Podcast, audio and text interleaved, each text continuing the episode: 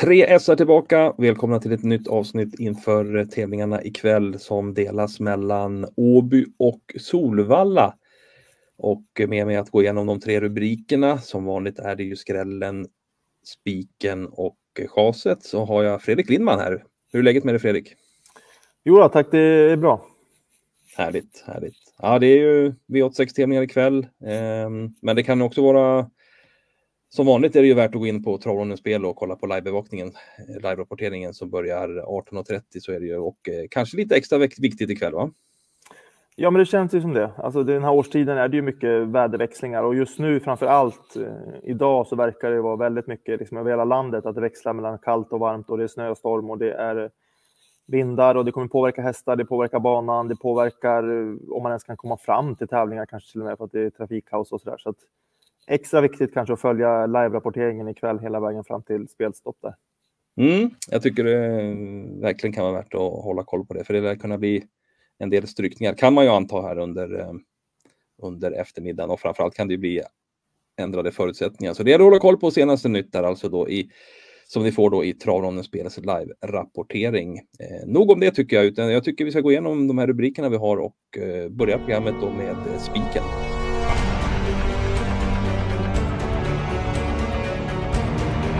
En spik ska vi ha och eh, det är ju grunden till att eh, sätta ihop ett system och vilken spik ska vi ta ikväll?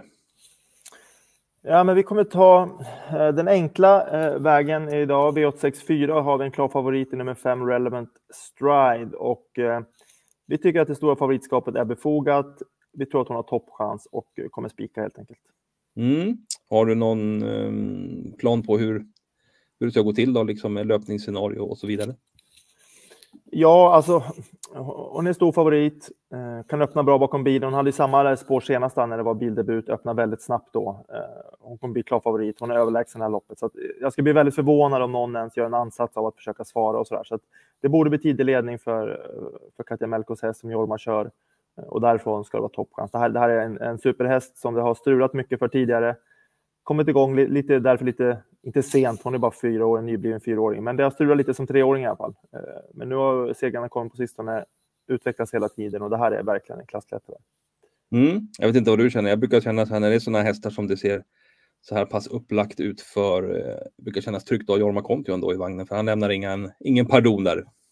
Nej, han kör ju alltid för att vinna. Han är han eh, är otroligt duktig på att köra, alltså köra hästar. Liksom. Han kör ju, det är väldigt sällan han kör en onödig galopp om man säger så, eller, eller strular till det sådär. Utan när det är sådana lägen med sådana här överlägsna hästar, då är han eh, väldigt stabil. Härligt, då har vi ju spiken avklarad alltså i 5 Relevant Stride där i V86 4. Och då eh, har vi spiken avklarad som sagt. Vi går vidare till nästa rubrik som är den här.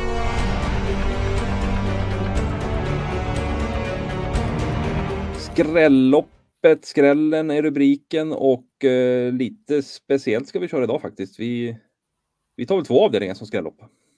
Ja, vi brukar ha ett skrällopp, men eh, ikväll är det lite speciellt. Eh, vi har starka spikar tycker vi och bra lås, så att vi skapar oss möjlighet att ta många hästar i några lopp. Och, och därför har vi faktiskt tagit alla hästar i både V861 och V867 som vi tycker är två svåra lopp eh, och eftersom vi har eh, råd att eh, ta alla hästar så gör vi också det.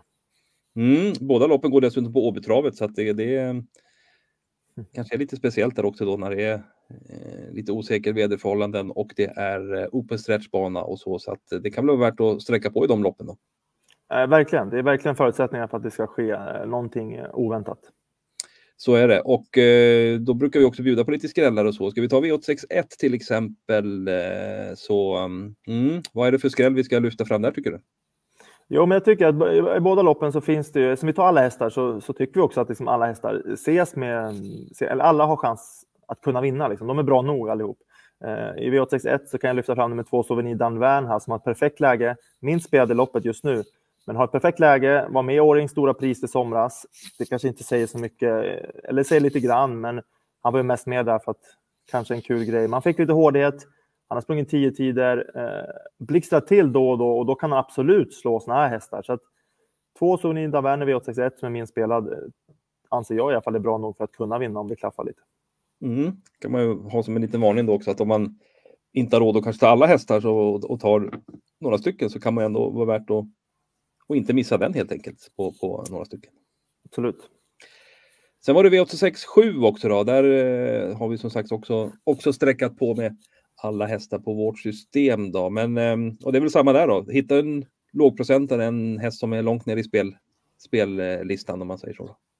Ja, absolut. Det har jag också exempel nummer två entrance. Det är samma läge där som Soridan Wern. Spår två bakom bilen. Vann senast på bra sätt. Det här är en häst faktiskt som jag har väntat lite på. Hon har visat bra kapacitet tidigare, men inte riktigt eh, fått till det fullt ut. Men nu verkar ha släppt lite. Tog som sagt en seger senast, är snabb ut, har perfekt läge. Eh, och jag tycker faktiskt hon är bra nog att vinna det här loppet. Och hon tillhör också de som är minst spelade i loppet. Så att, ja, men också ett exempel på eh, att man kanske är läge att ta alla hästar i de här två loppen. Mm. Och ska man just plocka fram några skrällar också, inte så dumt att hitta hästar som har bra lägen och kommer få fina löpningar i främre träffen. Framförallt på Åby så är det ju extra viktigt att sitta där och kan man få utnyttja open stretch och sådär. Perfekt. Två skrällopp alltså, V86 1 och V86 7 när vi nu ska gå vidare till den tredje och sista rubriken som är chaset.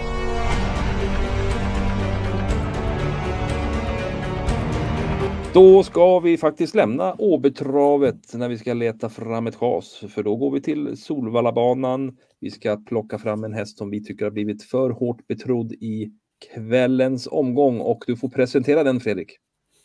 Ja, eh, chaset eh, nummer 12, Future Sox i V866 där. Det är, det är aldrig roligt att, att chasa hästar som kommer från så fina prestationer som hon gör, Future Sox. Hon vann ju på imponerande sätt efter en tuff resa. Så att, det är inte därför vi chasar, men det är bakspår nu, stängt spår dessutom åtta här på tillägg. Eh, och eh, vi har faktiskt en annan häst i loppet som vi tror väldigt mycket på. Så, att, så vi kommer inte sträcka nummer 12 Futures också och, därför är det ju givet att chasa henne som klar favorit.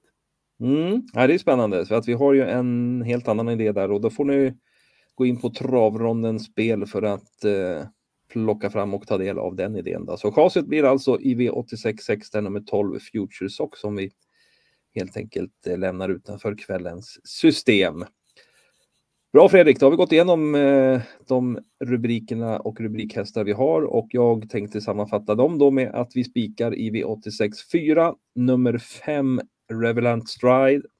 Vi har skrälloppet i V86 1 där vi lyfter fram två Souvenir Danvern som en varning och V86 7 har vi också som skrällopp där två Entrance är en rolig idé att inte missa på kupongen. Och så chansar vi alltså i V86 6, nummer 12, Future Socks.